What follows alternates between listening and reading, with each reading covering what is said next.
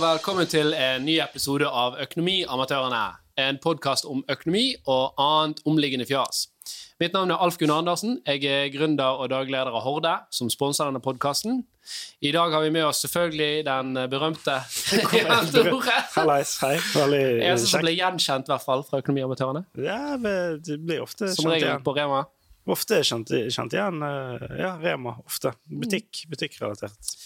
Og så har vi jo vår inhouse alt mulig-ekspert, eh, Torstein Meldingen. Det er riktig. Og jeg blir eh, aldri kjent igjen eh, på, på fjeset. Men, eh, men av og til på toalettet på utested har jeg blitt igjen. Oi! Ja. Ja. Hvorfor? Jeg trenger ikke utdype. Men, Nei, vi er ferdig men med hvorfor, det. du har, har du tatt av deg brillene for Nei, jeg tror, eh, jeg tror uh, seint på kvelden når man står og snakker med folk i pysjuer Men eh, nok om det. Der, Eh, der henger tydeligvis eh, Ja. Uh, I dag har vi med oss en, en veldig spennende gjest. Vi har med oss uh, Frode Tuen, som er da psykolog, forfatter, samlivsekspert, og ikke minst like imponerende, faktisk onkel til Torstein. Det stemmer, og takk for invitasjonen. Ja. Så i dag skal vi, må vi jo da snakke om, om samliv. Eh, og siden dette er en økonomipodkast, så må vi jo prøve å, å fikle litt sånn økonomi eh, i dette. her. Dette er jo noe vi har faktisk har snakket med, eh, om, om litt tidligere i andre, sånn, men vi, vi har aldri hatt med en ekspert på det. Så nå kan, nå kan vi kanskje få svar på de problemstillingene. Så vi Ja, for vi har hatt noe sånn veldig, veldig sånn tall og Hva skal jeg si? ja, eller vi, Sånne problemer. Sånn hvem skal betale hva, bla, bla. Men ikke Hvordan skal sånn du fordele økonomi og den type ting? Ja, ikke sånn Ja, rundt. Ikke noe Vi, har, vi har ikke fått noen som kan faktisk vet hva de snakker om. Nei, nei da. Nei, nei, nei, nei, på ingen måte. Så, så det tenker vi skal gjøre i dag. Men, men aller først så, så vil vi gjerne vite litt mer om Frode Tuen. Sånn, hvem du er og din, din bakgrunn og ja. Mm. Ja, nei, du sa jo litt av det innledningsvis, og jeg vet ikke hvor mye mer jeg skal si, men jeg jobber da egentlig som eh, professor på høyskolen på, på Vestlandet, og jobber med par og familieproblematikk, og skriver om det bøker, og hadde en spalte i Aftenposten som jeg har hatt, eller i A-magasinet som jeg har hatt i veldig mange år, og er mye rundt og holder kurs og foredrag og, og sånt. Så ja. Spennende. Og du skal jo òg bli gründer nå, skal du ikke? Ja, for så vidt. Altså, vi, vi jobber med en, en app som er relevant i den sammenhengen. Altså en app som heter Vi-appen, som, eh, som er et slags hverdagsverktøy til eh, par for å ta vare på parforholdet. Og nå skal vi også utvide den til foreldreskap. Så det, nå blir det altså både for par og foreldre. for å klare å ha bra kommunikasjon, bra samspill rundt eh, parforholdet og rundt foreldreskap, og ta vare på ungene på en god måte. Er, det, er det på en måte er det, er det tips man får der, eller er det kursing, eller hvordan kommuniserer man? da? Nei, altså vi, Dette er jo veldig sånn lavterskel, så vi har en lang lang rekke med videoer. Og så tilhørende de videoene så kommer det en del spørsmål og oppgaver som man skal reflektere over og ha som utgangspunkt for en dialog. Og gjennom det så blir det en slags bevisstgjøring og ja, opplæring eller eh, inspirasjon da, til å jobbe med både parforholdet og etter hvert nå også med, med foreldreskapet. Og jeg, jeg ble jo foreldre, eller jeg og min samboer ble jo foreldre for et par år siden, og vi har jo tre år siden. Uh, og vi har jo sånn Hedvig Montgomery-bøker, uh, og de er jo hun veldig Hva glad er i. det for noe? Det er jo en sånn eh, ja, Psykolog, det òg, antar jeg. Ja da, absolutt. Hun så- også jobber i Aftenposten og har en, en spalte der. Mm. Ja, sant? Og, og, og det var jo veldig greit. eh, Og, men men det, det er ikke sånn at når du står der, at du alltid har tid til Nå må jeg gå og finne fram den boken og slå opp her. Så, så her er det òg et verktøy hvor man liksom lettere kan kanskje søke eh, Unge står og skriker i butikken. Hva gjør jeg? Ja, altså Tanken er at mobiltelefonen har du med deg hele tiden. Og du, om du sitter på bussen eller hvor du, hvor du nå er, så har du liksom muligheten for å hente den frem. Og så er den ganske oversiktlig. Det er fem tema og seks nivåer som man går gjennom. Og så etter hvert som man liksom går gjennom de forskjellige temaene og nivåene, så får man noen sånne bonuser. Og så er det litt sånn gamifisering. Og det er ganske gøy, og vi har mange nedlastinger. Nå er det vel ca. 50 000 så langt. Oi, Og, ja, kjempebra. ja da, vi får eh, veldig veldig fine tilbakemeldinger og sånt. Ja. Så, så dette er litt sånn, litt sånn håndbruksmanual på kids og parforhold som Ja, du har i lommen eh, egentlig. i app-format. Ja. Skulle jeg visst om tidligere. Men uh, for å hoppe, hoppe inn på liksom uh, juicen her, da. Hva er det som er de vanligste problemstillingene i forhold? Ja, sånn generelt tenker du på? Ja, generelt. Ja, det, altså det, det er to ting. Det ene er jo at det er tilstedeværelse av mye negativt. Det kan være krangling og sjalusi og ja, konflikter. Og så er det fravær av positive ting. Og da er det fravær av nærhet, eh, fellesskap, samhørighet, kjærlighet, sex osv. Så, videre. så um, før i gamle dager så var det sånn at det måtte være noe av det negative, altså. Hadde, det var gjerne fyll og hor og, og ja, sånne ting som gjorde at man hadde en grunn til å gå. Men i dag så er det jo ikke no, noe behov for at man har en objektiv grunn.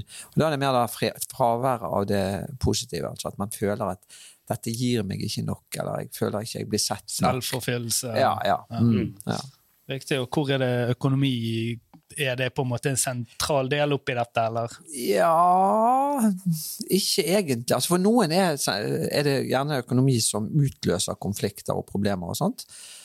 Eh, For andre ikke det er så viktig, men, men økonomi er jo en vesentlig del av eh, en familie. Eller, altså, alle må jo forholde seg til en økonomi.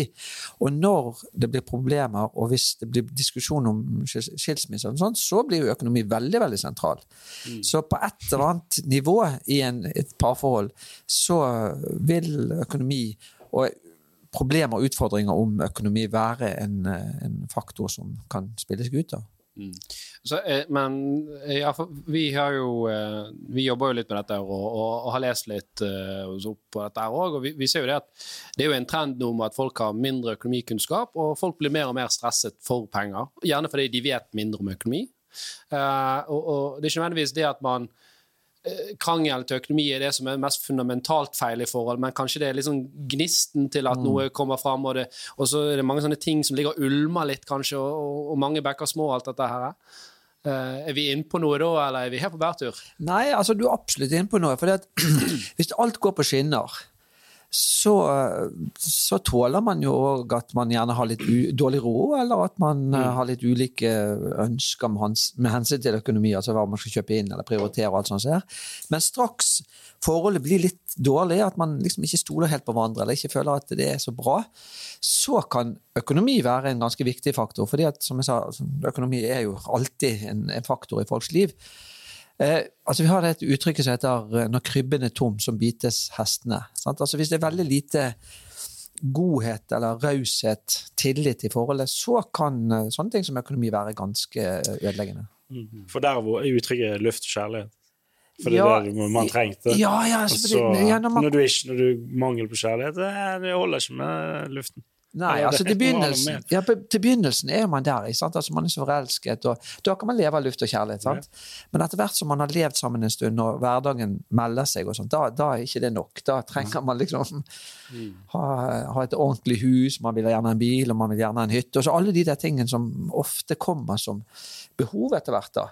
Og da gir, gir, gjør det også flere, flere områder som man kan krangle om.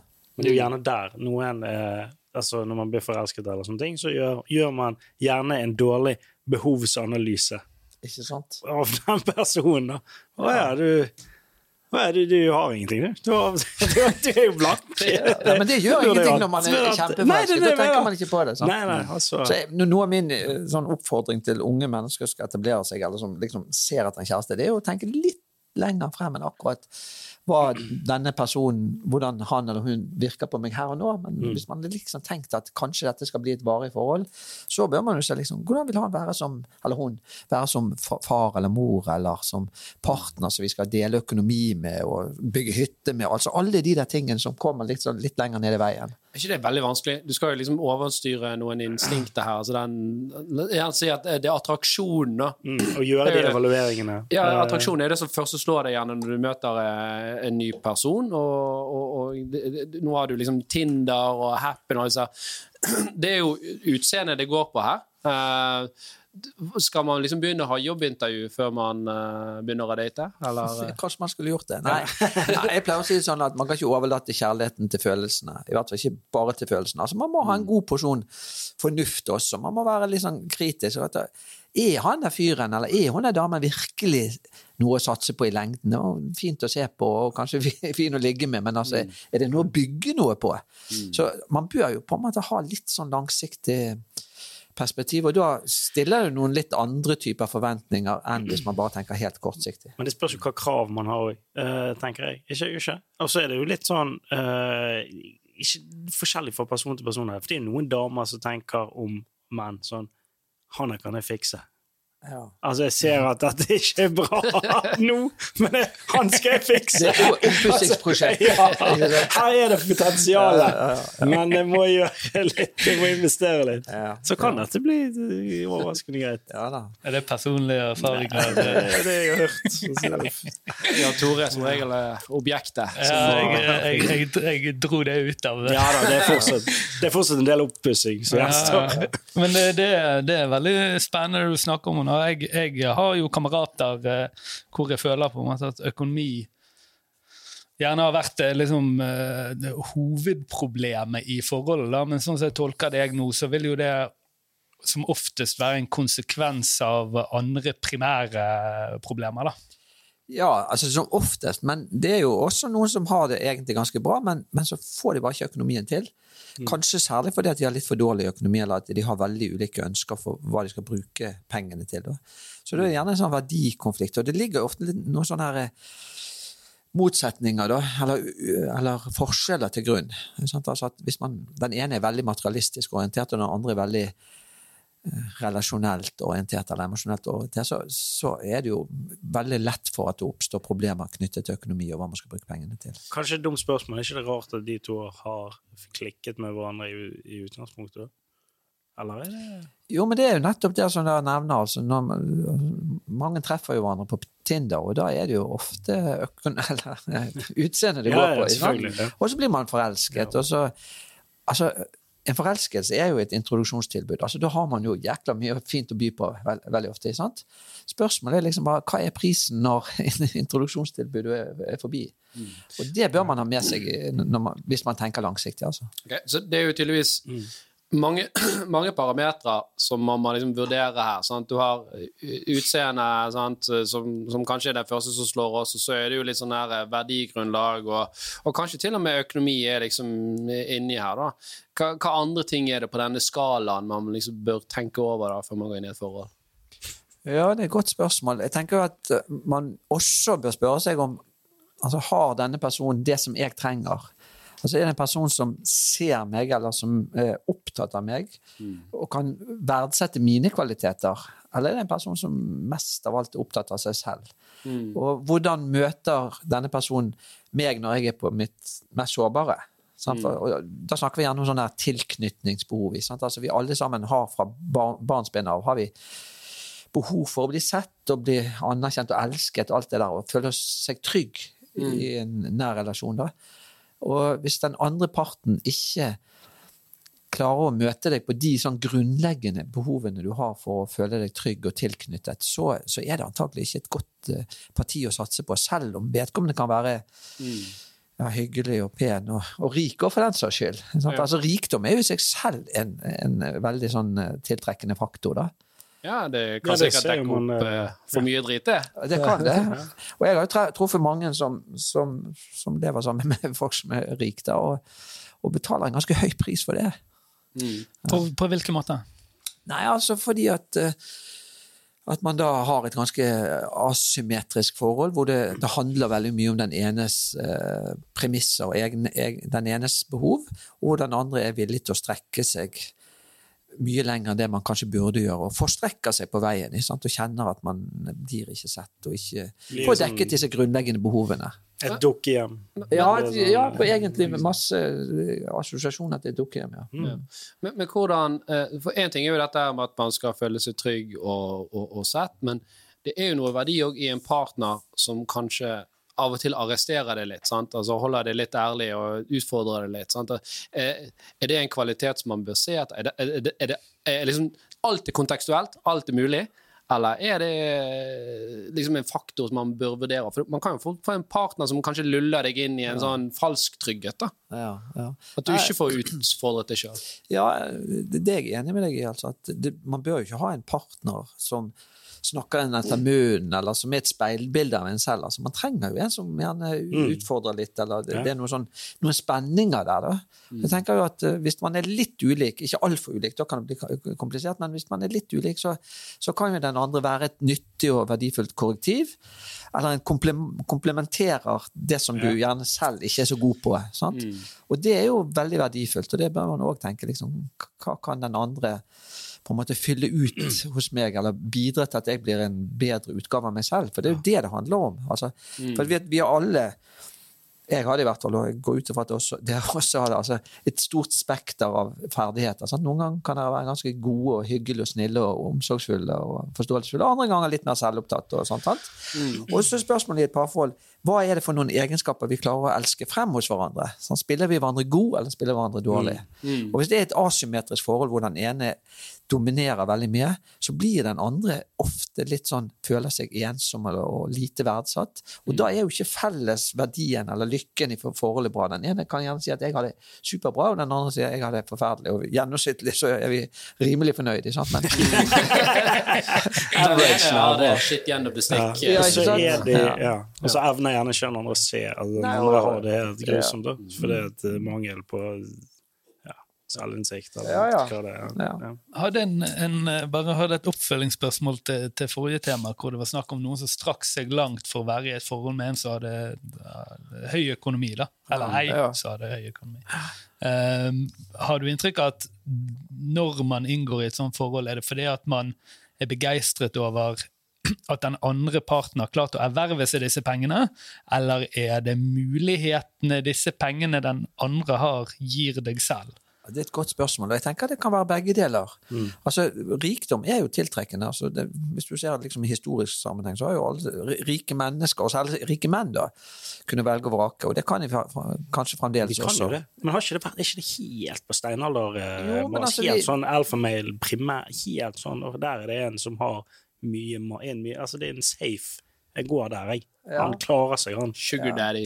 Ja, altså, og det er, altså, vi er jo både sånn kulturelt øh, hva skal jeg si, objekt eller f- subjekt. sant? Altså, vi er, vi er barn av vår tid, men samtidig er vi òg barn av vår biologi. Mm. Og fra biologiens side så har det jo vært viktig for kvinner, ikke minst, å, å finne en partner som, som kunne beskytte dem og ta vare på dem og forsørge dem. sant? Og I vår kultur så er ikke det så viktig, men biologien er jo med oss likevel. Og Derfor ser man altså at dette med rikdom er ganske dominerende, øh, eller en, en tiltrekkende egenskap, da, spesielt hos menn. Ja, for Du har vel tusen, på, på tusenvis av år med evolusjon, sant? og, så er det gjerne de siste 50-100 årene sant? Hvor, hvor dette ikke blir et tema, men man klarer ikke å snu den biologien. Nei. Selv om vi kulturelt skulle ønske man kunne gjøre det, så er det noe som sånn primærbehov og liksom, som er evaluert eh, Nei, hva heter det? Evolu, evolusjonert fram da, eh, i oss. Men da er det jo gjerne og, Men det går gjerne motsatt òg, at de som er altså si rike menn, da, for de sier at de har en tiltrekningskraft. Men det er jo ofte at ja, en, en rik mann vil jo gjerne ha en, En en ung, pen dame. Ja, ja, ja. Såkalt uh, trophy wife. Det Jo, jo, jo. Så her er det Det jo på en måte en symbiose. da. Så den rike vise kan få en pen dame, og den pene damen vil gjerne ha en rik mann. Men jeg har lyst til å gå litt tilbake til spørsmålet ditt, eh, Torstein. For det, det, det er interessant også, fordi at det handler jo ikke bare om den muligheten som rikdom da representerer eller uh, gir, da, men òg at folk som er rik, vil jo gjerne også være ganske trygge og kanskje litt karismatiske. Og sånt, og uavhengig av pengene så vil jo de også være tiltrekkende. Så mange kvinner vil jo gjerne si at nei, jeg tok ikke han pga. pengene, men fordi at han var en storartet mann. Fargerik og, og, og veldig trygg og, og stødig. Ikke sant? Det er, Så jo, da er det det er jo Petter Stordal i de kostymene sine. Ja, altså, da kan du gå kledd som Kaptein Krok, og Ja. folk kommer til å like deg. ja, ja. Så bakenforliggende hypotese er da at, eh, at eh, disse egenskapene henger sammen. ja. De kommer som én pakke ofte.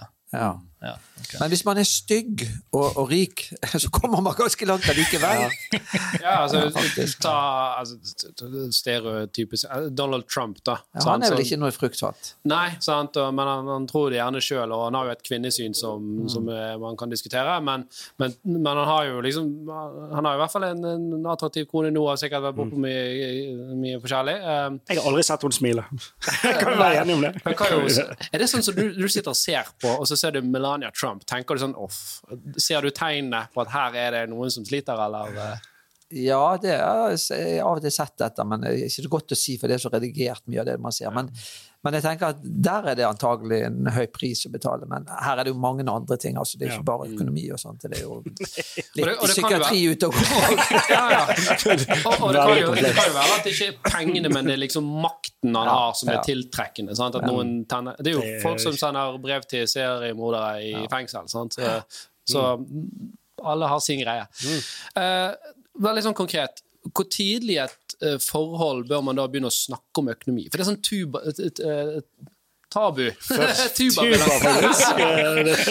Tabubelagt. liksom, Første date, tenker jeg. ja, nei, nei, nei, ok, Ta et eksempel. Sant? Eh, det, er det når man flytter sammen?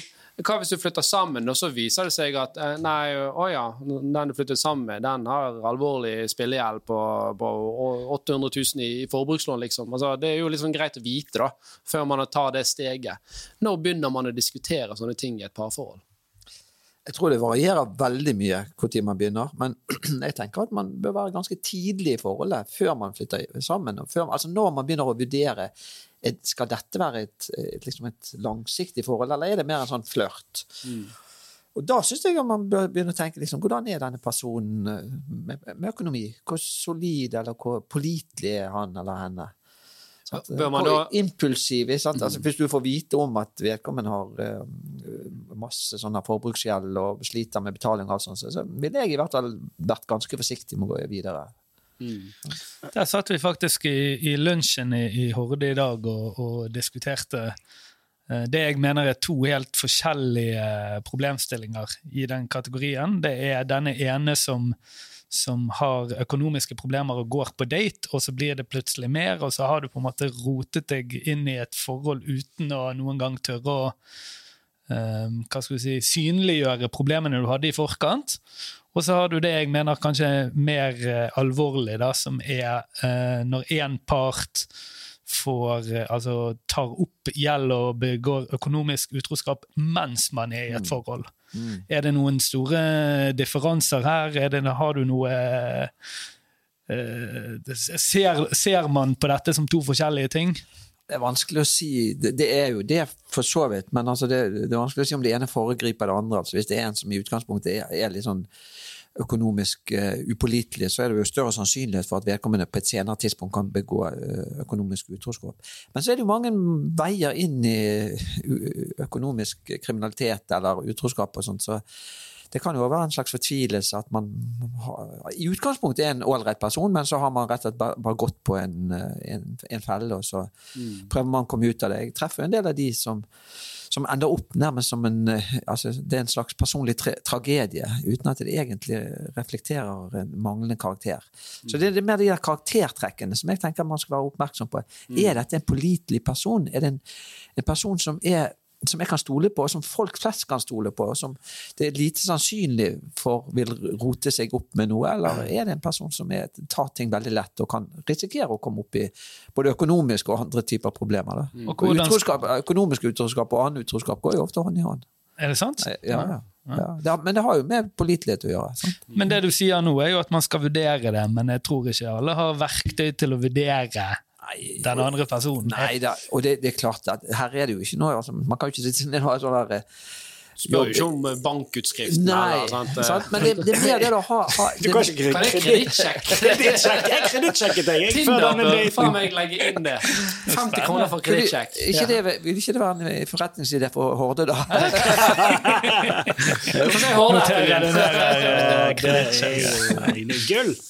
Nei, men ok, for å spille videre på den. Du, la oss si da, du er en, en, en, en, en Nå tar jeg en mann, da, uh, uh, som har uh, fått opp 400 000-500 000 i drittgjeld. det er klart at Sier du det for tidlig i et forhold, sånn day to, day tre, så kan jo du risikere at motparten bare styler. Sant? Oi, nei, dette var kjemperødt flagg. Uh, men så egentlig vet du med deg sjøl at det er liksom du, noe du jobber med. Sant? Og, og, og, og, realiteten er at kanskje hvis du hadde bare holdt det skjul, hele, skjult liksom, de neste fire-fem årene, så hadde du kommet ut av det uten at hun hadde visst. Sant? Men da har, du liksom, da har du jo løyet litt for den personen. Sant? Det er jo vanskelig, veldig vanskelig avveining å gjøre. De skal være ærlige om dette. Og når jeg bare skjule driten min bare fordi at det er for tidlig til å, å liksom eksponere det. da. Men ja, jeg føler at det, av og til er det sånn at det er litt sånn at like barn leker best, òg.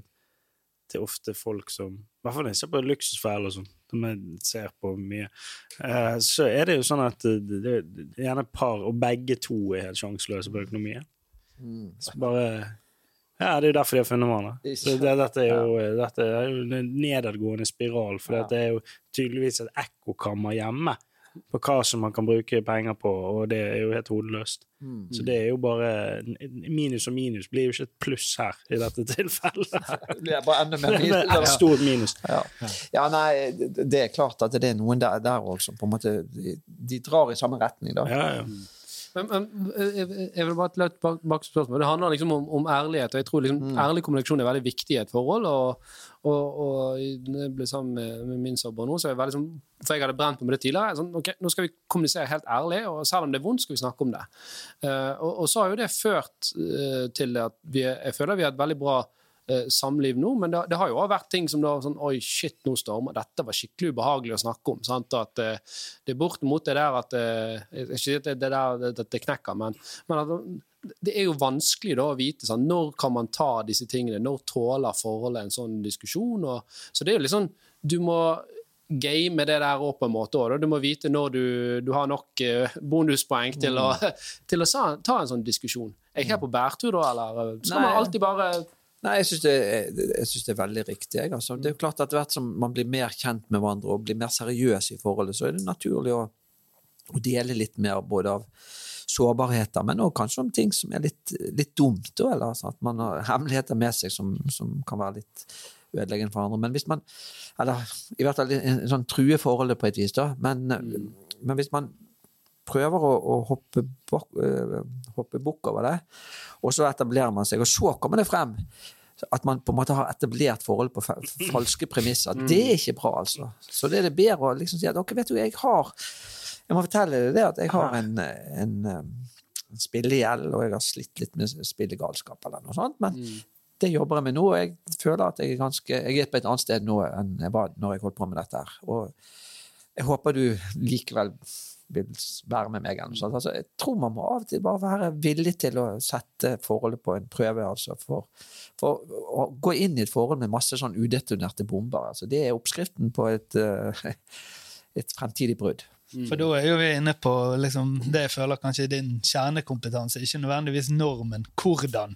Hvordan snakker man om dette? Ja. Og da tenker du at det er bare å ligge kortene på bordet. Bare sånn ser det ut. Ja, altså når man begynner å snakke om at liksom, skal dette bli mer enn bare en sånn dating, og skal vi begynne å tenke på at vi skal satse på andre, eller skal vi begynne å snakke om å flytte sammen? Så du kommer inn i den der i den fasen, da syns jeg at man bør eh, kunne dele sånt som eventuelt må være litt utfordrende. Ja. Er flere, og, og hvis du er åpen og ærlig om det, så er min erfaring at de aller fleste vil si at ok, men vet du hva, det var veldig fint, jeg nå føler jeg meg veldig trygg når du kan dele dette, her, for det skjønner jeg er litt vanskelig for deg. Sant? Mer enn at 'oi, har du spillet igjen?' eller noe sånt. Nei, det kan jeg ikke satse på. Jeg tror ikke det er så mange som får rødt flagg da, altså. Det har jo veldig mye med, og, og dette er jo kanskje du er ekspert på, hvordan man kommuniserer det. Klart, kommer man og sier ja, forresten, jeg har en halv million i spillegjeld. Dette det er et problem jeg har. Det må du bare takle. Sant? Det, Deal with it! Men det er jo ofte sånn altså Hvis hun Eller nå skal ikke men, men sier at 'Å, jeg brukte litt mye på en genser. Å, det var med, og du deler.' Jeg har faktisk 43 000 i gjeld fra forrige uke, jeg, så jeg spilte vekk. Uh, ja, hvordan går vi videre her? Altså, hvis, for det, begge må jo dele. ja, men det, det har vel noe altså, hvordan du kommuniserer, Det er ikke bare å kommunisere, det er hvordan du kommuniserer. Sant? At hvis man våger liksom å være litt sånn sårbar og si, vet du hva, jeg har noe å fortelle deg, jeg syns dette er skikkelig ubehagelig. Sant? Og, eh, liksom, altså, man, man, man, man kan legge det fram da, på en måte som liksom blir litt sånn avvæpnende. Eh, og, og, og, det er der jeg tror mange misforstår kommunikasjon, for kommunikasjon er ikke alltid bare si det. Det er liksom hvordan Mm. man egentlig sier det òg, da.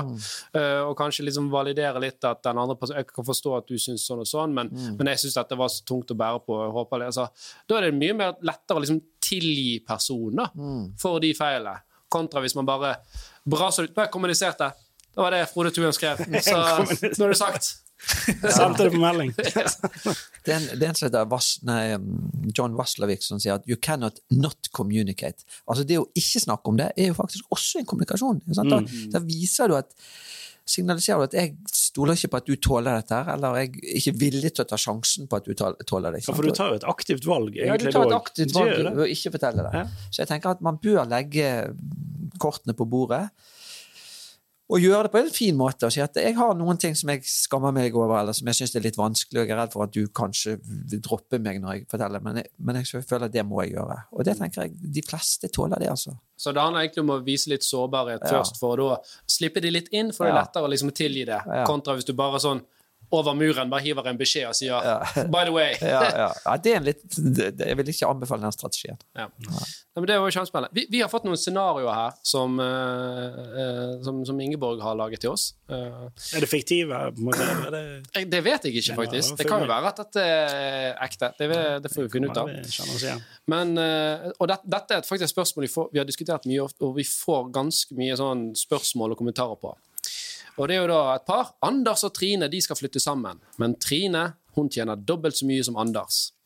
Trine foreslår at de setter opp en konto hvor alle betaler inn likt, eller begge betaler inn likt. Eh, Men Anders er jo det at da vil han ha veldig lite igjen, eh, og, og liksom til sine egne penger og, og sin egen livsstil, mens Trine vil ha ganske mye igjen. Eh, Så det blir jo en sånn form for skjevfordeling her. Sant? Hvordan starter man en sånn samtale, og, og er det hva er, hva er, Spørsmålet egentlig hva er riktig òg, sant? Uh, og det er sikkert et veldig vanskelig svar, men du skjønner litt sånn, kan vi snakke litt om konteksten rundt det? Denne skjevfordelingen når den ene part tjener mer enn den andre. Altså Et parforhold er jo en sånn kombinasjon av to enkeltindivider som har sine individuelle behov, men så er det jo også et fellesskap. sant? Og hvis de går inn i det med ulik økonomi, så, så er det jo en skjevhet der i utgangspunktet, men det er viktig at likevel der, det fellesskapet kan være bra. Da, at, ikke, at, liksom, at ikke det skaper veldig mye konflikter i fellesskapet. Og det å liksom finne måter å håndtere det på, spilleregler, en fordeling som, som begge to syns er rimelig, det er jo løsningen, da. Men, og det fordrer jo altså, Det er noe med at vi I vår tid så går vi ofte inn i et parforhold og mange relasjoner med, med spørsmålet 'What's in it for me?' Sant? Altså, Hva kan jeg få ut av dette? Sant? Men jeg tenker at i et parforhold, hvis det skal fungere, så må man også spørre 'What's in it for you?' Altså, Hvorfor skal du gidde å satse på meg? Sant? Av alle de andre mennene i livet i verden, så må det være andre som kan være minst like bra som meg. Hvorfor skal du satse på meg? Og så 'What's in it for us?' Altså, Hvordan skal vi få dette til, da? Så det at det å kunne se både disse jeg og du, men også vi, det felles vi-et, er jo viktig i en sånn, en sånn sak. Og jo mer skjevfordeling det er, jo viktigere er det jo å ha sånn overordnet perspektiv at vi må få det til på et eller annet vis. Og da må vi kunne finne gode løsninger som handler om deg og altså jeg og meg som individer, for, for at vi skal klare å lykkes som par. Ja, for, for vi, vi får jo en del sånne litt sånn harde, bastante kommentarer på disse innleggene om dette, og der det jeg antar single menn som sier det at nei, det bør jo deles likt, for det skal være likt, sant? og da får hun velge sjøl om hun vil tjene mer penger. Sant? Men det er klart at har man den innstillingen der, så hvis man er i et forhold da, så er det jo sånn øh, Er dette et riktig forhold? Eh, sånn, hvis det er sånn en skikkelig skeiv deling? Eh, Men der, men der har jo du også Jeg er helt enig, men der har jo du også den andre siden som kan være vel så bastant. da. Eh, alt som er mitt er vårt, og hans er vårt. Og, altså, det er jo klart, du har jo du har, Ja, ja. Begge, begge sider kan være like hard her. Ja, da, altså Om du har eh, Trine tjener en million og Anders tjener 500 000, da, sant? Eh, så er det klart at eh, ene Trine Det er ikke sånn at de vel sier at vi har 1,5 million til sammen, men kanskje da Trine sier at OK, Anders, du skyter inn eh, ikke, 30 000, og jeg skyter inn eh, 37 000 eller 40 000. Sant? For da har vi begge nok til at, eh, at det går rundt. Du har eh, 10 000 igjen hver måned. Jeg har mer, jeg har 25 men eh, det er nå der vi, vi er nå, da. Sant? Så, så det går jo an å gjøre sånne typer handler. Det er ikke sånn svart-hvitt, da. Eller at man til, eh, tilrettelegger for et liv hvor begge har god økonomi. Eh, men at man, eh, man på en måte har sin egen. Mm. Det er jo ikke nødvendigvis sagt at man skal føre sin felles økonomi etter den som tjener mest. Nei, men det, det, det er jo det jeg ville fram til. Sant? At man, man finner liksom det smertepunktet hva den andre kan liksom, men, for Det handler litt om liksom, den avhengigheten òg. Det, er jo ikke- det er jo ikke et sunt for et forhold hvis ene parten er sånn Jeg er helt avhengig av at uh, Torstein gir meg ukepenger, holdt jeg på å si. Mens, uh, Før i tiden var vel ikke det et problem, når eh, damene var hjemme og mannen jobbet. Det, det var i hvert fall ikke et problem på den måten som i dag. Men det var sikkert ganske mange som syntes det var kjipt å be om ukepenger. Ja. Nei da, men eh, altså Sånn som vi har praktisert i vår familie Jeg tjener nå litt mer enn min kone. Ikke så veldig stor forskjell, kanskje, men i hvert fall perioder mer. Og, og, og da har vi jo betalt litt mer inn til sånn, det vi kaller for felles uh, utgifter. da. Og det syns jeg er bare rimelig. Så, så sitter vi sånn noenlunde igjen med det samme til individuelt forbruk. Sånn, Sånn noenlunde, men, men jeg tenker i et parforhold Toppskatt. Det er det som- Ja, det- ja, det- eh, blir det. Ja. Men, men, men, men i et parforhold så må man jo Altså, man må jo være, tenke på, man må være raus. Det er det jeg mener. Altså, hvis man blir veldig sånn her selvopptatt og what's in it for me, så, så er man på en litt feil kurs, altså. Altså, hvis du ikke kan være raus med partneren din, Ja, hvem kan du være raus med? med? skal du være raus med da? Ja, det var faktisk en veldig god sånn Ja, ja, bra konklusjon uh, på, på den. Nei, men det, det er jo kjempeinteressant. Eh, videre så har vi et eh, spørsmål nå. Oi, dette er litt sånn konkret. Dette, dette er sikkert en situasjon du har opplevd, eller, eller i hvert fall du har konsultert på, kanskje. Eh, Lise og Truls har vært gift i fem år, kjøper drømmehuset. Men når de skal få finansieringsbevis hos banken, så viser det seg at Lise hun har tatt opp eh, 700 000 i forbrukslån bak ryggen til Truls. Så det er jo ikke nødvendigvis økonomisk utroskap i den forstand at hun har tatt opp i i hans navn, hun har tatt opp sitt eget navn, men klart boligdrømmen her og, og, og fremtiden står jo litt sånn i knas akkurat nå, da.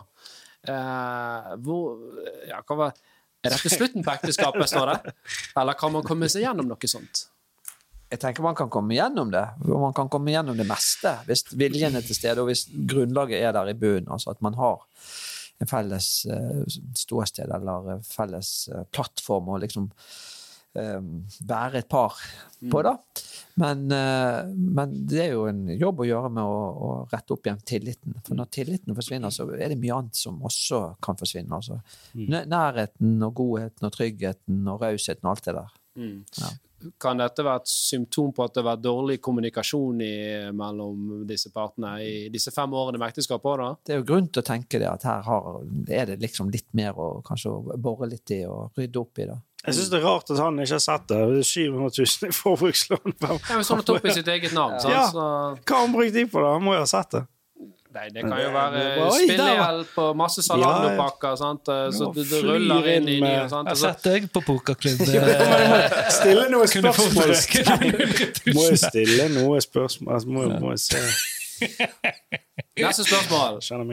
Leo og Kim de har kjøpt leilighet sammen, og Kim ønsker samboerkontrakt, men det fnyser Leo av, eh, og synes det er helt unødvendig. Eh, Samboerkontrakt, er det noe du mener man bør ha? Eh, Og hvordan går man sånn hvis man, den ene parten sier at jeg ønsker gjerne dette, for jeg trenger de rammene, mens den andre parten sier sånn Stoler ikke du på meg? Altså ta det som et sånn tillitsbrudd, da. For da er det liksom ene parten taper her uansett. Ja, på en måte. I forhold til forståstedet sitt. Ja. Nei, Jeg vet ikke om jeg har så veldig sterke meninger om det. altså. Det, det er en problemstilling jeg har møtt lite på. Men, men jeg tenker i et godt forhold så bør jo ikke den typen utfordringer være veldig vanskelig. altså Da bør man jo kunne strekkes litt. av Den som syns at det er veldig viktig, vi- vinner frem.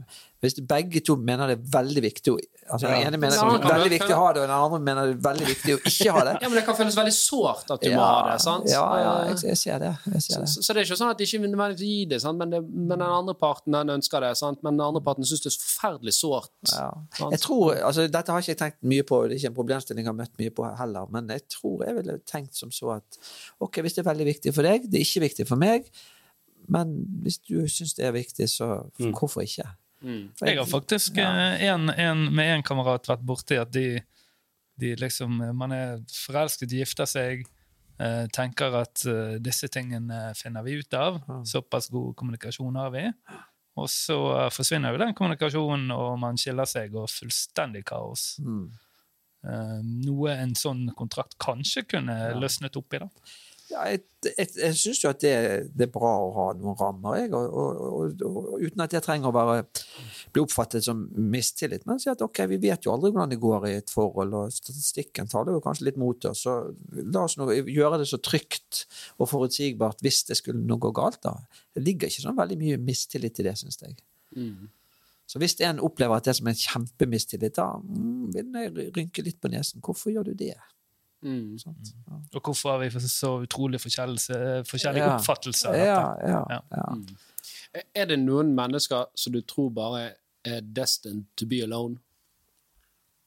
Altså fordi at de er så vanskelig å Du sier sånn Man skal lete etter den er, denne parten riktig Nei, det var han ikke. Ok, Men hvis det ikke var riktig for deg, så var han ikke riktig for nestemann så- eller neste dame som sto der òg.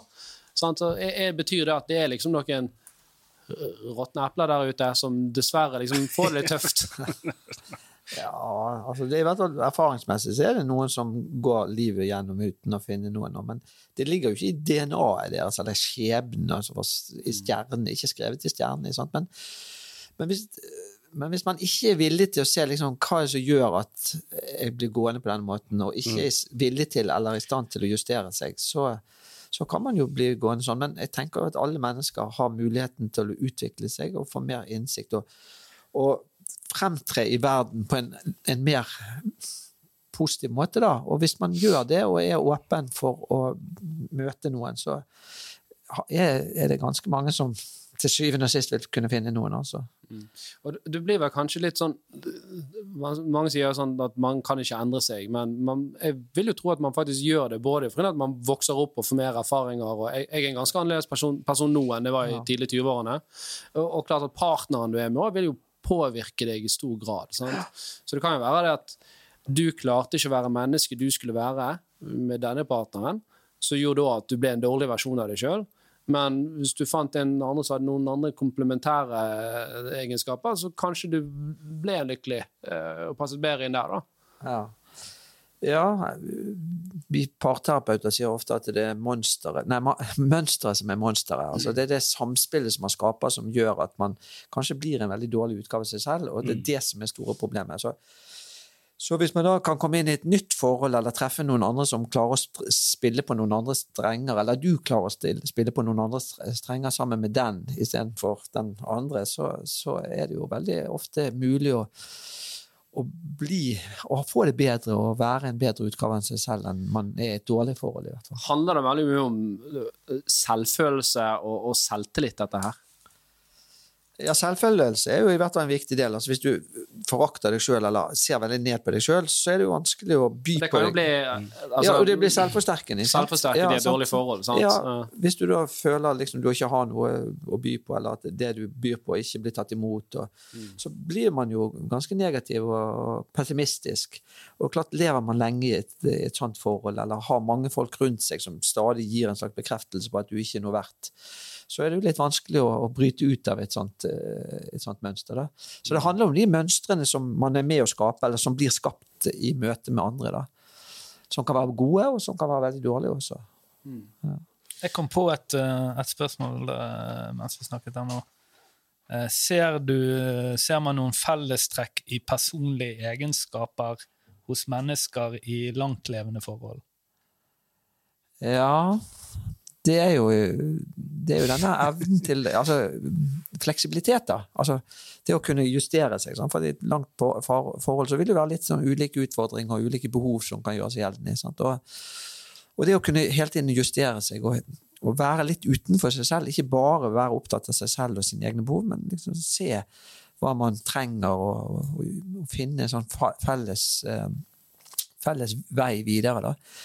Og det, det krever jo både respekt og åpenhet og fleksibilitet. og, og Så raushet og Raushet fleksibilitet. og sånne ting er, er jo viktige egenskaper for å lykkes. da. Ja. Eh, Raushet, men, òg gjerne altså, tillit gjerne da, til den andre personen. For, for, nå blir det litt sånn cheesy, kanskje, men man er jo på en reise her Ja. i livet. sant? Og så er man en person, og så utvikler man seg. Og noen ganger i, i løpet av et parforhold på 30-40 år så er man kanskje litt fra hverandre. sant? Og, og her kommer jo både raushet og tillit til at man, man stoler på at den parten kan være ute på, på vingen her og gjøre noe, og så finner man sammen igjen. sant? Ja. Er det liksom et bra bilde på det? Ja, jeg syns det. Men, ja, men altså, kan si tillit er jo noe som skapes i samspillet. Så hvis man har det bra, og man eh, har en god dialog, og man er ærlig og åpen og, og pålitelig, og sånn, så vil tilliten være der. Sant? Men, mens en del andre egenskaper er litt mer sånn individuelle. For eksempel, hvis man er veldig rigid av, eller mistenksom av natur, eller veldig sånn oppfarende, dårlig å kontrollere følelser og sånt, nærmest uavhengig av den andre, så er det jo vanskeligere å, få det til da, i, i en langvarig relasjon. For det vil bli så mange kontaktpunkter eller konfliktpunkter som, som gjør at man på et eller annet tidspunkt antagelig går hverandre på nerven eller ja, ødelegger det som er. Ja, så har du jo òg altså, det, det som kanskje kan mistolkes litt som tillit, men sånn likegyldighet, da. eh, Kan jo være kanskje vel så farlig. At man Ja. liksom ikke bryr seg helt om at den andre personen styrer på med noe. Ja. Det kan kanskje misoppfattes som tillit, eller? Ja, det kan jo det. Sant? Altså, altså, en interessant undersøkelse ble gjort i USA, riktignok blant noen unge folk, da, men det, de intervjuet de på um, et tidspunkt, og så intervjuet de de to år etterpå, og, sånt, og så så de hvor mange av de første Altså hvor mange var sammen etter to år. Og så viste det seg at de som var litt sjalu, de var de var oftere sammen enn de som var ikke sjalu i hele tatt. Eller de som var veldig sjalu, de gikk det også galt med. Sånn at det å ha litt sjalusi ser ut til Det er er det på en måte et slags engasjement. Er det fordi at du føler at du har noe å tape? Ja, men hvis du er helt, helt liksom ikke bryr deg, Nei, nei, nei. så ser det ut til å være en, altså en dårlig sånn eh, prediktor, da, eller noe For det, det gir jo mening. Det Om det, er- om det er med folk, eller om det er med ting du eier. rett og slett. Jeg, bryr, jeg, bryr meg ikke om denne. Nei, Selvfølgelig blir den ødelagt. ja, ja. Og det må jo være Ja, fra, det det samme, fra egentlig. Alt, alt som er viktig for oss, må vi pleie. Det eneste som går av seg sjøl her i livet, det er forfallet. Ja, og så liksom, med litt sjalu, det vil jo liksom være bra for begge sider. For er du litt sjalu, så prøver du kanskje å pusse litt på deg selv, Yes. mens motparten også vet at det er noe Han bryr seg, eller hun Ja. bryr seg om noe her. Sant? Ja. Ja. Skjerpe seg litt. Ja. Ok, eh, sånn avslutningsvis, vi, vi skal jo òg ha ukens eh, lytterspørsmål. Vi kan ta det først, faktisk. Eh, og Her vil vi ha innspill fra alle dere. Eh, ukens lytterspørsmål kommer fra Det står ikke hvem det kommer fra. Det er bare litt sånn står- lørdagsrådet, dette. Ja, det, det er litt sånn. Eh, Jeg jobber som lærer i samfunnskunnskap og skal lage et opplegg om arbeidsliv og privatøkonomi. Tenkte å høre med dere om hva dere mener er absolutt minimumskunnskaper. Og, og hva bør eh, jeg bør ha med av begreper, og hva bør elevene sitte igjen med? Frode, du først. Hva var det du skulle lage oppgave om igjen? Eh, det er samfunnskunnskapslærer som skal lære da litt, elevene om litt om arbeidsliv og, og privatøkonomi. og Hva liksom minimumskunnskaper bør de sitte igjen med, og hva bør, begreper eh, bør man benytte her? da? Renter, gjeld.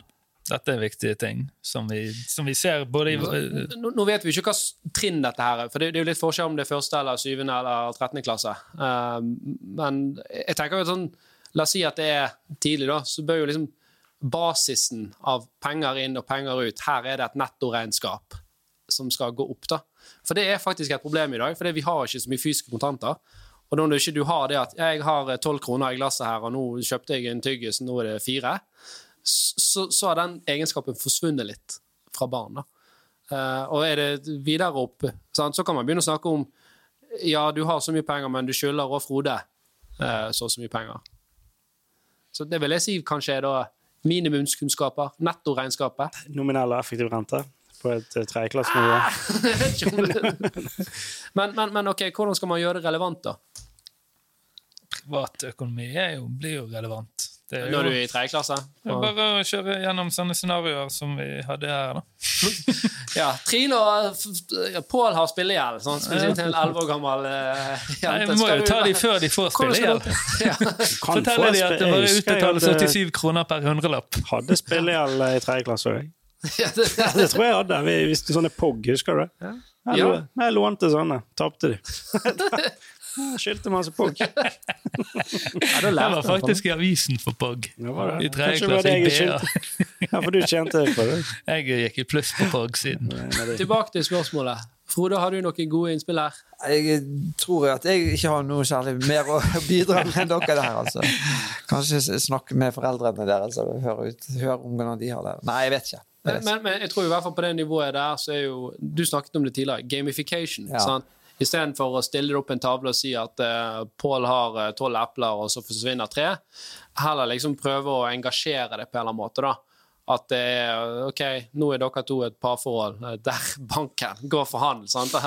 Eller uh, her kommer skatten. Sant? Nå Mm. tas tas den. Altså, du gjør litt mer kanskje lek ut av det da, på en eller annen måte. Ja, Når, vi, når jeg var liten, så spilte vi sånn, eh, sånn her, eh, Den forsvunne diamant. Sånn. Det var gamification. Det var veldig gøy. Ja, ja, ja. Brettspillet? Ja, brettspillet forsvunne Du var liten, det spilte jo vi når jeg var liten med deg. Du var jo 45. Herregud. Ja, altså, Det ja, det er jo sånn om monopol. Ja, ja, monopol, ikke minst. ikke Ja. Der er det- monopol, det- Spill monopol. Da får du forhold til penger, i hvert fall. Ja. Der husker jeg faktisk eh, Apropos monopol, for jeg vet ikke om jeg klarer å gjenfortelle det, men det er en helt fantastisk Det handler jo om barn også. Eh, de som eh, de, Ja, de bør google denne vitsen her, for det er Louis C.K. har en helt fantastisk vits om monopol. Der han, har, han har to yngre døtre, eh, hun ene er, er fire, er fem, og hun andre er åtte. Han spiller monopol med de. Og hun som er åtte, hun skjønner konseptet, hun skjønner monopol. hun skjønner det med hun som er fire. Hun skjønner penger. Altså fem, fem. hun skjønner at det inn og ut, men hun skjønner ikke at hun taper når hun kommer på de der brikkene med hus og sånne ting. Så det der. Han sier at monopol er det mest eh, Altså det er et helt brutalt spill. For at han vinner jo Han er jo flink, han er jo voksen mann. Selvfølgelig slår han hun åtteåringen i monopol. Så han slo, knuser han åtteåringen i monopol, og øh, hun skjønner at hun har tapt. Men hun skjønner ikke tapet. Hun skjønner ikke, Nei, nei, alt, alt ditt. Alle de mine. Det er mitt. Og så Nå skal jeg ta alle disse eiendelene her, skal jeg ødelegge søsteren din.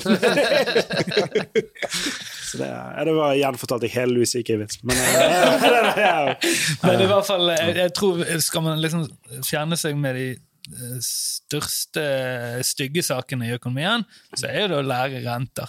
Altså det er jo eh, Forstå hva det betyr da når det er 450% effektiv rente på et eh, mobillån på 500 kroner. mm. Ja. For dette er folk som da ikke forstår. sant? Ja, og igjen, dette spørs jo, Det var jo ikke spesifisert der hva uh, trinn dette her var. Så nå, nå, nå dekket vi sikkert fra ja, første klasse til ungdomsskolen, i hvert fall. Uh, veldig bra. Avslutningsvis, Frode. Uh, du er jo ganske erfaren med dette med, med, med parforhold. Hva vil du si er liksom ditt viktigste, altså number one tip? Dette er det, det, gjør man dette, så har du kommet ganske langt allerede. Eh, Det er å pleie forholdet, ta vare på det og gjøre hyggelige ting sammen. og ha det frem, langt fremme i, i bevisstheten. For med en gang man eh, begynner å ta det for gitt, eller ta den andre for gitt, så er det alltid en fare for at det går galt. Så sett opp date night selv om du har tre unger og travle jobber og her hvor du går. Det er trikset. Ja, og det trenger, Man trenger ikke gjøre så veldig mye ut av det, egentlig, men altså bare være oppmerksom og liksom hele tiden spørre 'what's in it for you', ikke bare 'what's in it for me'. Ja. Da kommer man ganske langt bare med det å ha en riktig holdning. For de som har lyst til å uh, høre mer på og lese mer, uh, eller lære mer, hvor kan de finne mer informasjon om Frode eller følge deg? Nei, de kan jo begynne å lese A-magasinet hvor jeg svarer på lignende spørsmål hver uke. Eller så kan de jo laste ned Vi-appen som jeg har snakket om, som nå snart kommer i en ny versjon. Men den er gratis, og der kan man få ganske mye tips om parforholdet, og etter hvert også om eh, foreldreskapet. Så det er i hvert fall ett sted å begynne. Kult. ja, genialt. Da tror jeg vi må takke for oss. Eh, Økonomiamatørene. Eh, oss finner du på Instagram og TikTok, eh, YouTube, og selvfølgelig der du digger podkast. Horde-appen laster ned. Hashtag reklame fra Torstein. Ha det bra. Ha det! Hei, hei.